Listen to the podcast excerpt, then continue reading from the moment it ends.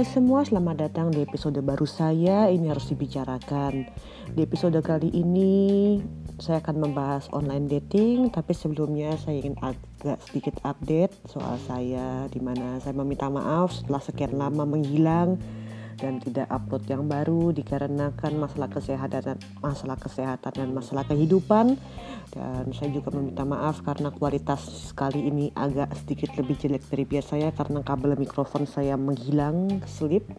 Dan juga karena saya ngerekamnya pas masih jam-jam di mana orang-orang masih banyak di luar jadinya ya akan agak sedikit-sedikit berisik-berisik gitu ya. Oke. okay sekarang mari kita mulai membicarakan soal online dating. Nah, pasti jelas dengan segala dengan segala teknologi yang ada sekarang jelas untuk pacaran jarak jauh lebih dekat untuk orang LDRan juga lebih gampang karena banyak video call dan lain-lainnya tapi pasti tetap hampa maaf ya tapi ya kalian pasti tahu kan banyak sekarang lagi banyak banget aplikasi berbagai macam aplikasi buat online dating atau ketemuan online. Mulai dari ketemuan online via Omega bro dulu pernah juga ada sempat yang Yahoo Chat dan juga ada Yahoo Messenger ya kalau nggak salah namanya. Dan juga ada juga sekarang macam-macam kayak Tinder, Bumble, Bumble, Buhu, Buhu atau apalah dan Oke Cupid jelasnya ya dengan adanya lebih banyak teknologi tuh ya orang jadi lebih gampang buat ketemu orang. Apalagi banyak Indonesia yang paling demen cari-cari bule. Mulai dari macam-macam situs ada juga asiandating.com dan lain-lainnya. Jelas dengan berbagai macam teknologi seperti itu jadi kita harus lebih berhati-hati juga menggunakannya. Karena banyak sekali ke kejadian human trafficking yang dimulai dari ketemu orangnya online dan intinya malah dia diperjualbelikan antar dunia. Dan juga banyak juga jadi penipuan online jadi kayak dia mau minjem duit dan lain-lainnya. Ya itu juga lah salah satu alasan kenapa kita harus berhati-hati saat ketemu sama orang online. Nah kali ini kita nah, kali ini saya akan lebih ngebahas soal aplikasi-aplikasi. Jadi kayak sama pengalaman saya ya kan. Jadi selama covid ini saya jarang ketemu orang dan kebetulan emang teman-teman saya di, yang berada di kota yang sama seperti saya udah pada pergi. Jadi ya saya tinggal sendiri kesepian dan intinya saya mencoba-coba ketemu orang online. Jadi kayak saya cari-cari aplikasi yang bisa buat ketemu orang atau kayak chatting sama stranger atau chat dan lain-lainnya. Dan yang membuat saya takjub adalah padahal aplikasi-aplikasi yang saya pakai itu bukan aplikasi buat cari orang pacaran tapi ya banyak banget ketemu yang kayak orang yang malah ternyata orang-orang yang pengen cari buat pacaran atau orang-orang yang cari emang cuma buat sex chat dan ya kalau saya lihat semuanya rata-rata awalnya pasti kalau ketemu kayak gitu mereka minta Snapchat. Kalau udah minta Snapchat tuh rata-rata udah kayak red flag. Jadi ya artinya dia pasti ntar malah ngirim foto tititnya lah ngorong ngirim foto macam-macamnya lah. Dan sejujurnya saya nggak tertarik buat kayak gituan. Jadi ya agak sedih aja. Padahal orangnya menarik orangnya asik buat ngobrol. Eh tiba-tiba ngirimnya foto titit. Kan jadi kurang enak. Ya begitu selain tapi tapi saya juga ada beberapa ketemu yang kayak udah berapa minggu ini masih chatting dan itu masih benar-benar menarik sih soalnya orangnya asik dan lain-lainnya. Sayang dia jauh jadi saya nggak bisa kayak nggak bisa main bersama dengan dia atau ngapain. Jadi ya menyenangkan ada beberapa menyenangkan tapi banyak juga yang creepy.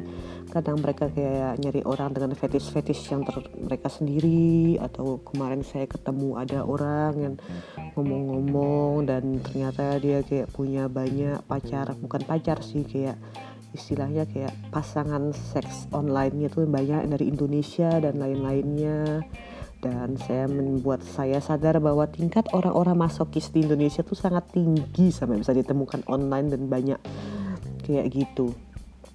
Jadi ya begitu. Tapi ya kalau untuk aplikasi-aplikasi yang seperti itu sih ya emang wajar sih. Kita pasti bisa ketemu orang berbagai macam orang. Di aplikasi-aplikasi seperti itu. Ya kalau kita lihat kan yang paling banyak digunakan yang di Indonesia apa ya? Tinder ya yang paling sering ketemu. Kok Tinder yang buat strike dan gay dan grinder yang buat gay. Tapi grinder tuh lebih kayak orang-orang nyarinya hookup dan buat nyewe aja lebih banyak. So saya pernah dulu iseng-iseng saya bikin akun grinder padahal saya cewek kan ya tapi saya bikin dan ya isinya ya badan-badan cowok lah. Sesuatu yang mengindikasi kalau mereka tuh carinya cuma buat nyewe doang. Jadi ya tapi kalau itu mungkin kapan-kapan saya bakal saya pengen coba tanya-tanya sama teman saya gay atau siapa saya gay buat cari info soal aplikasi itu karena saya kurang tahu. Dan mungkin ke depannya juga ntar akan ada kolaborasi lagi dengan Mawar untuk ngebahas Tinder date dan lebih dalam karena dia mereka ya lebih kayak pengalaman dia di selama di Tinder dan pengalaman gak enaknya dan lain-lainnya. Kayak mereka dapat bagaimana dapat pacaran online tapi yang gak enak dan lain-lainnya. Tapi ya menurut pengalaman saya sendiri kalau yang dari Tinder dan saya kurang saya seringnya cuma pakai Tinder dan lain-lainnya. Kadang emang cuma bikin temen chat juga ada. Tapi kok Tinder tuh lebih ya tergantung negaranya sih. Kok di Indonesia saya ketemunya rata-rata nggak ada yang beres. Kalau di sini rata-rata ya orangnya main asik tapi orang yang creepy juga banyak. Mulai dari hippie nggak beres yang ternyata nggak nggak punya tempat tinggal. Atau juga pernah juga ketemu orang yang kayak rata udah menikah dan lain-lainnya. Jadi ya intinya relatif kita masih pilih-pilih juga kalau menggunakan aplikasi online seperti itu tapi saya juga banyak kok teman-teman saya yang berhasil ketemu dengan pasangan mereka melalui Tinder dan aplikasi online lainnya. Jadi ya kalau dilihat nggak semuanya jelas semuanya negatif, tapi pasti ada juga yang beberapa orang positif maupun lebih sedikit daripada orang-orang nggak benar di aplikasi online seperti itu. Cuma ya kadang lucu juga kayak kita menggunakan aplikasi itu dan kita ketemu orang yang kita udah kenal dan ya bikin ketawa aja bikin lucu gitu ya. Soalnya saya juga pernah kayak di kota saya saya iseng, iseng bikin Tinder dan ketemunya ya teman dekat saya. Pas pas saya bilang ini enaknya saya apain ya? Dia bilang ya tolong di swipe right swipe ke kanan biar kita ngobrol kita match. Cuma ya najis gitu jadinya. Iya gitu. Sekian dulu itu untuk Tinder dan untuk aplikasi lainnya. Kayak Oke okay Cupid saya pernah coba. Cuma katanya nggak banyak yang antara karena saya makainya sudah agak lama atau emang karena kurang kurang banyak orang di kota saya karena saya tinggal di kota kecil ya jadi agak susah. Dan ya nggak ada yang berhasil sih kalau di Oke Cupid. Pernah mau ketemuan cuma intinya orangnya nggak komentar. Ada juga yang orangnya nggak jelas. Pokoknya saya pernah pokoknya nggak ada yang keberhasilan kok di di situ-situ dan ya untuk pengalaman saya di online dating sih emang cuma sekian gitu ya. Bedanya kan kayak dulu pas ada zaman zaman Facebook atau yang Friendster. Pernah juga saya kayak iseng-iseng kayak pacaran LDRan sama orang yang nggak dikenal kayak gitu. Lucu sih lucu bener-bener bikin menyenangkan gitu ya. Menyenangkan buat masa-masa muda yang lucu-lucuan. Cuma ya endingnya ya nggak bertahan lama. Emang pasti ada orang yang bertahan lama dengan kayak gituan. Cuma katanya bukan buat saya jadi ya saya berhenti. Untuk sementara sih saya udah nggak terlalu pakai aplikasi aplikasi yang buat mencari ngedate karena saya pengen lebih fokus ke hidup saya. Ya kalau hidupnya berantakan mending jangan cari masalah lagi. Itu menurut saya. Ya sekarang kita kembali lagi ke aplikasi online yang untuk ketemu teman untuk saya katanya podcast episode ini akan agak berantakan jadi ya. Saya mohon maaf. Karena emang ya ini bener-bener impulsif bikinnya kali episode kali ini. Karena emang udah lama nggak ada dan saya nggak ada kerjaan.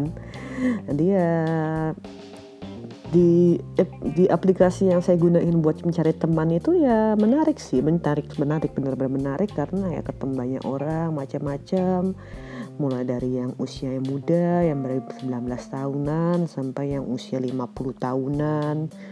Ya banyak yang menarik ya. Jadi kayak saling bertukar pikiran bertukar ide. Dan ya menarik sih soalnya. Jadi kayak saya banyak ketemu orang mulai dari yang ada anak 19 tahun yang ternyata mempunyai ide yang sangat luar biasa tapi menyebalkan sangat menyebalkan. Ada juga orang orang orang tua ya. Gimana ya saya kan seringnya cuma kayak basa-basi biar sopan.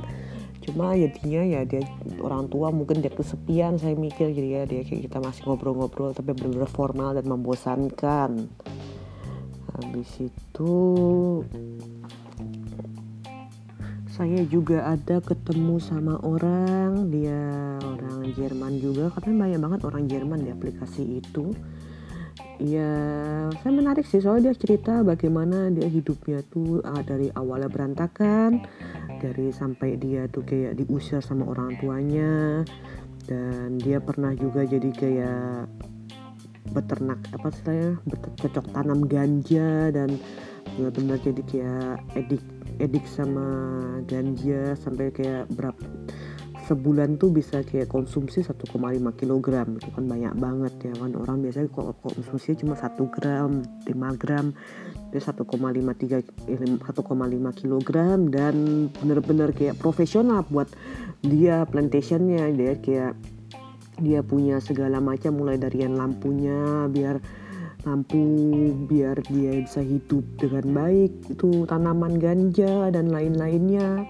Saya sih salut sih jujur ya karena dia bisa dari bener-bener dari dia ketemu main sama orang yang nggak bener dan lain-lainnya sampai sekarang jadi punya hidup yang bagus punya kerjaan yang bagus dan hidup kayak jadi lurus jadi mulai berbelok-belok tidak jelas. Dan terus saya juga pernah ketemu sama orang yang itu orangnya dari orang Meksiko yang tinggal di Amerika sekarang dan saya salut sama dia soalnya dia umur dari umur 12 tahun dia nge ngebiayain adik-adik dan kakak-kakaknya karena orang tuanya pergi meninggalkan mereka pergi ke Meksiko. Jadi dia banting tulang buat hidupin keluarganya dan lain-lainnya. Membuat saya salut dan membuat agak jadi hampa hidupku ini sebenarnya ngapain sih? Tapi ya menarik sih nah bertukar pikiran dengan mereka dan lain-lainnya.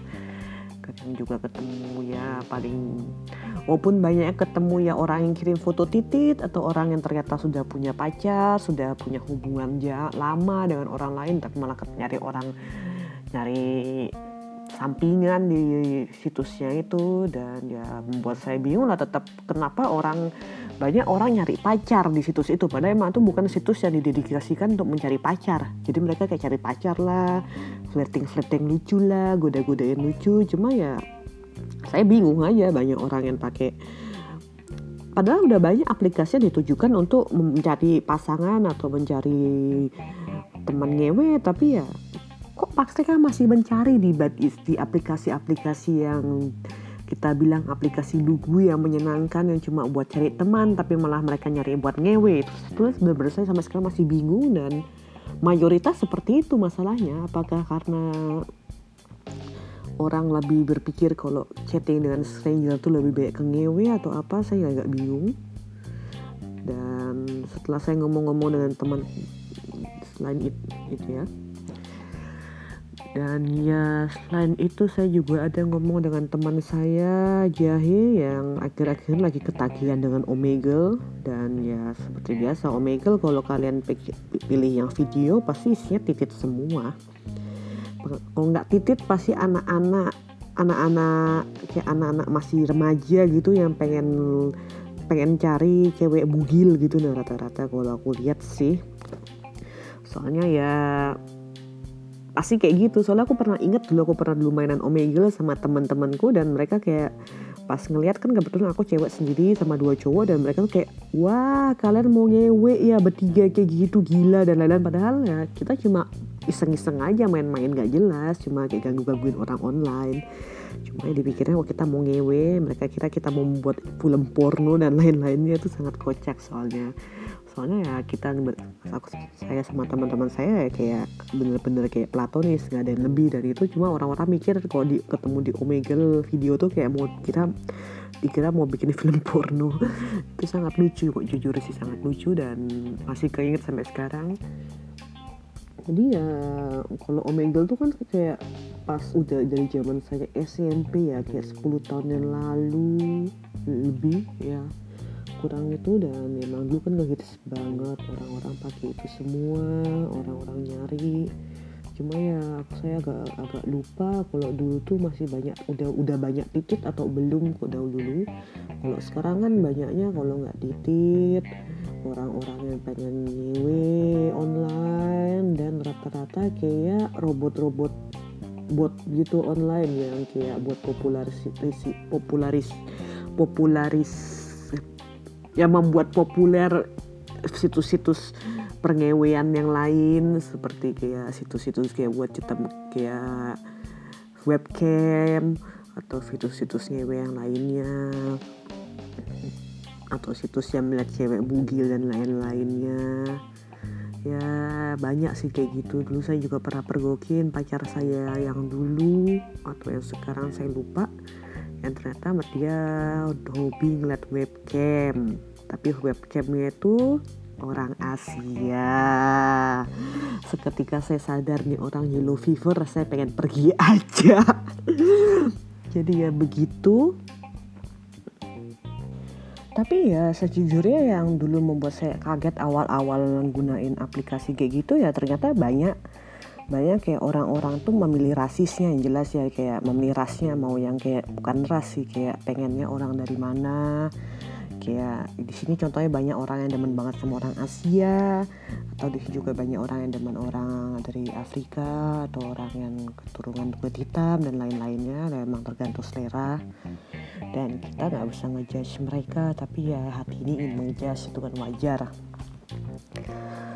selain itu apalagi yang mesti saya mengatakan yang bisa saya katakan ya soal online? Saya kurang ada ya. Sebaiknya kalian menunggu episode selanjutnya lebih ngebahas lebih detail karena saya udah janji ngomonginnya sama teman sama Mawar jadi ya silahkan kalian tunggu. Mungkin sekian episode random kali ini maaf berantakan ngalor ngidul dan segala macam. Namanya juga saya bosan jadi ya terima kasih sudah mendengarkan. Sampai jumpa di episode selanjutnya